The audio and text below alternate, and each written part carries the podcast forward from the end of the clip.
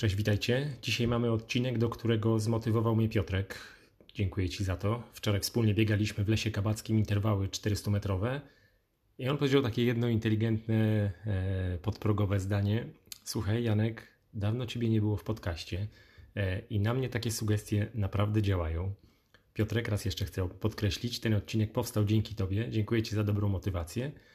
A my pozwólcie, cofniemy się w czasie, co też pokazuje, że naprawdę dawno mnie tutaj nie było.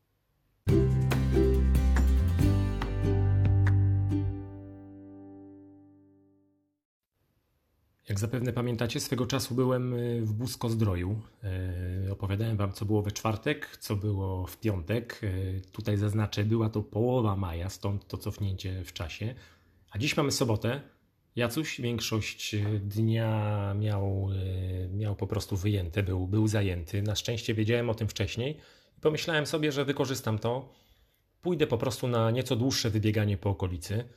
Tutaj muszę dodać, że maj był jeszcze takim miesiącem, w którym wszystko, co było powyżej 7-8 km, było dla mnie dłuższym biegiem.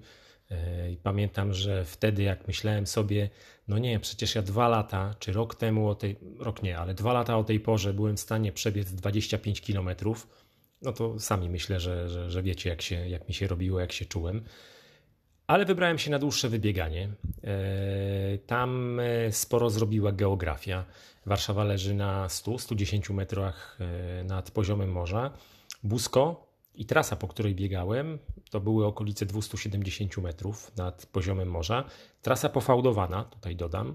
I powiem Wam, że chciałbym mieć taką pod domem, aby móc robić biegi w zimę, takie biegi trailowo, trailowo-crossowe, żeby budować siłę jeśli sobie pomyślisz, że tutaj 110, a tu 270, że de facto nie jest to za duża różnica, to pewnie nie, ale jak ci powiem, że było pełne słońce, żadnej chmury, 29 stopni, to myślę, że możesz domyślić się, jaka była to, e, jaki był to bieg i o jakiej e, trudności.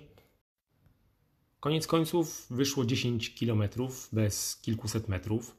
Miałem ze sobą półtora litra wody, ale słuchajcie, byłem tak zmęczony, że nie miałem ochoty dokręcać tych 300 metrów niecałych. E, jak ja to mówię, takie bieganie wokół przysłowiowego śmietnika, aby dojść do pełnej liczby. Nie miałem ochoty. Po powrocie do domu wypiłem półtora litra wody, pewnie z pół litra wylałem na, na siebie, na głowę, na kark, e, na, na, na dłonie, żeby szybciej dojść do siebie.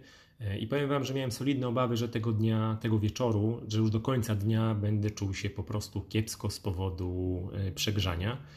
A wieczór się zapowiadał bardzo atrakcyjnie, popołudnie także. E, elementem wieczoru był spacer po Busku mm, i wizyta w pizzerii prowadzonej przez e, rodzinę Jacka. E, pizzerię prowadzą osoby, które pizzą zajmowały się we Włoszech zawodowo. Pizzeria Sara. Polecam Wam to miejsce, nawet bardzo, bardzo polecam. Mają własny piec, sami ten piec zbudowali z, między innymi zbudowany jest z, e, z łupków z lawy, z lawy wulkanicznej. Pizzeria Sara. Naprawdę, naprawdę polecam. Tyle o samym busku. Przechodzimy do sobotniego wina.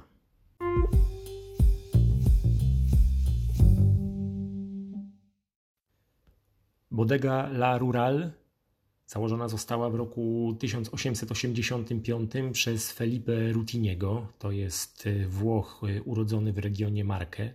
I jest on znany jako jeden z czterech e, wielkich włoskich winiarzy w argentyńskiej Mendozie. I co ciekawe, nie tylko on, można powiedzieć, wpłynął na rozwój winiarstwa w regionie. Oczywiście on był producentem, ale coś, co przyczyniło się do, do popularyzacji wina, był y, jego transport. Mianowicie w regionie tym w tamtym czasie pojawiła się kolej. I tak jak do tej pory transport wina odbywał się wozami, dzięki kolei mógł nie tylko przyspieszyć, ale również dając siłę przemysłowi, y, kolej spowodowała, że, że te wina mogły docierać do, do, do dalszych zakątków. Sama winnica w latach 90. została całkowicie odnowiona. E, zastosowano już nowe technologie, ale w dalszym ciągu winnica pozostaje wierna swojej tradycji.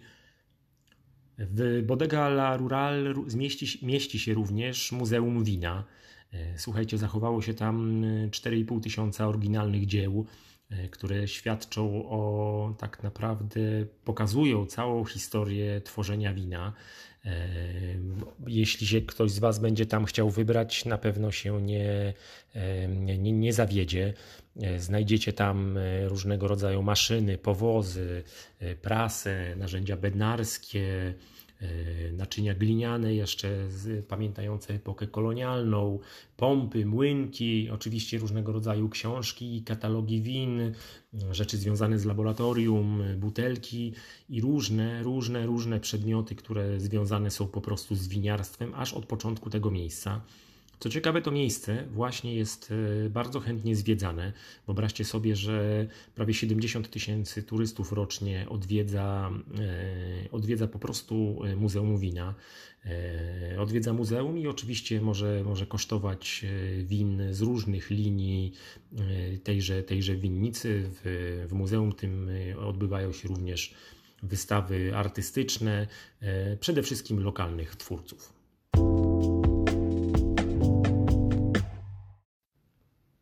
Cruz Alta Malbec 2018 100% szczepu Malbec. Mamy dojrzewanie 9 miesięcy w beczce. 50% połowa to jest dąb francuski z pierwszego i drugiego użycia, a druga połowa, czyli 50%, nowy dąb y, amerykański. Jak smakuje to wino? Czym pachnie? E, barwa to jest głęboki granat z połyskującym fioletem. Aromaty mamy czerwone owoce przede wszystkim, e, są, są wiśnie, e, ale też wyczujemy jakieś fiołki, gdzieś w oddali jest wanilia, mm, kakao, no mi się zawsze kojarzy z takim kakao Deco Moreno, nie wiem czy jeszcze pamiętacie. Generalnie kakao w takim gorzkim, gorzkim wydaniu. E, natomiast usta są jeszcze bardziej aromatyczne i jeszcze bardziej ekstraktywne niż, niż nos nie, mają w sobie nieco słodkości. Tanina nie jest taka, jakiej się spodziewałem przy, przy Malbeku. Ona jest raczej taka miększa, soczystsza, ale całość bardzo atrakcyjna. Zresztą, gdyby nie było to wino atrakcyjne, najprawdopodobniej po prostu tego odcinka bym nie, nie nagrał. I z czym łączymy kulinarnie? E, śmiało można z rybą, na przykład z jakimś wędzonym strągiem. Mm, fajne wino pod grilla. Pamiętajmy, że jesteśmy tutaj w okolicach 40 zł. Możemy podać również e, do makaronu, na przykład taka pasta bolońska, czy do e, pieczonego kurczaka. Ja, tak jak pewnie niejednokrotnie już mówiłem, e, Malbec jest dla mnie szczepem, który absolutnie można pić solo, do książki, do meczu, do grania, na, do grania w FIFA, czy, czy do wielu, wielu innych rzeczy. Słyszałem kiedyś taką plotkę, że, że Malbec jest dobry na wszystko. Słuchajcie, tyle na dziś. Zamykamy temat wózka. Trzy dni, w zasadzie trzy i pół dnia. W niedzielę już żeśmy rano wracali. Powiedzmy trzy dni, albo inaczej. Yy, tak, trzy dni. Trzy bardzo fajne wina. Jacek, dziękuję za naprawdę bardzo fajny wyjazd. Cześć.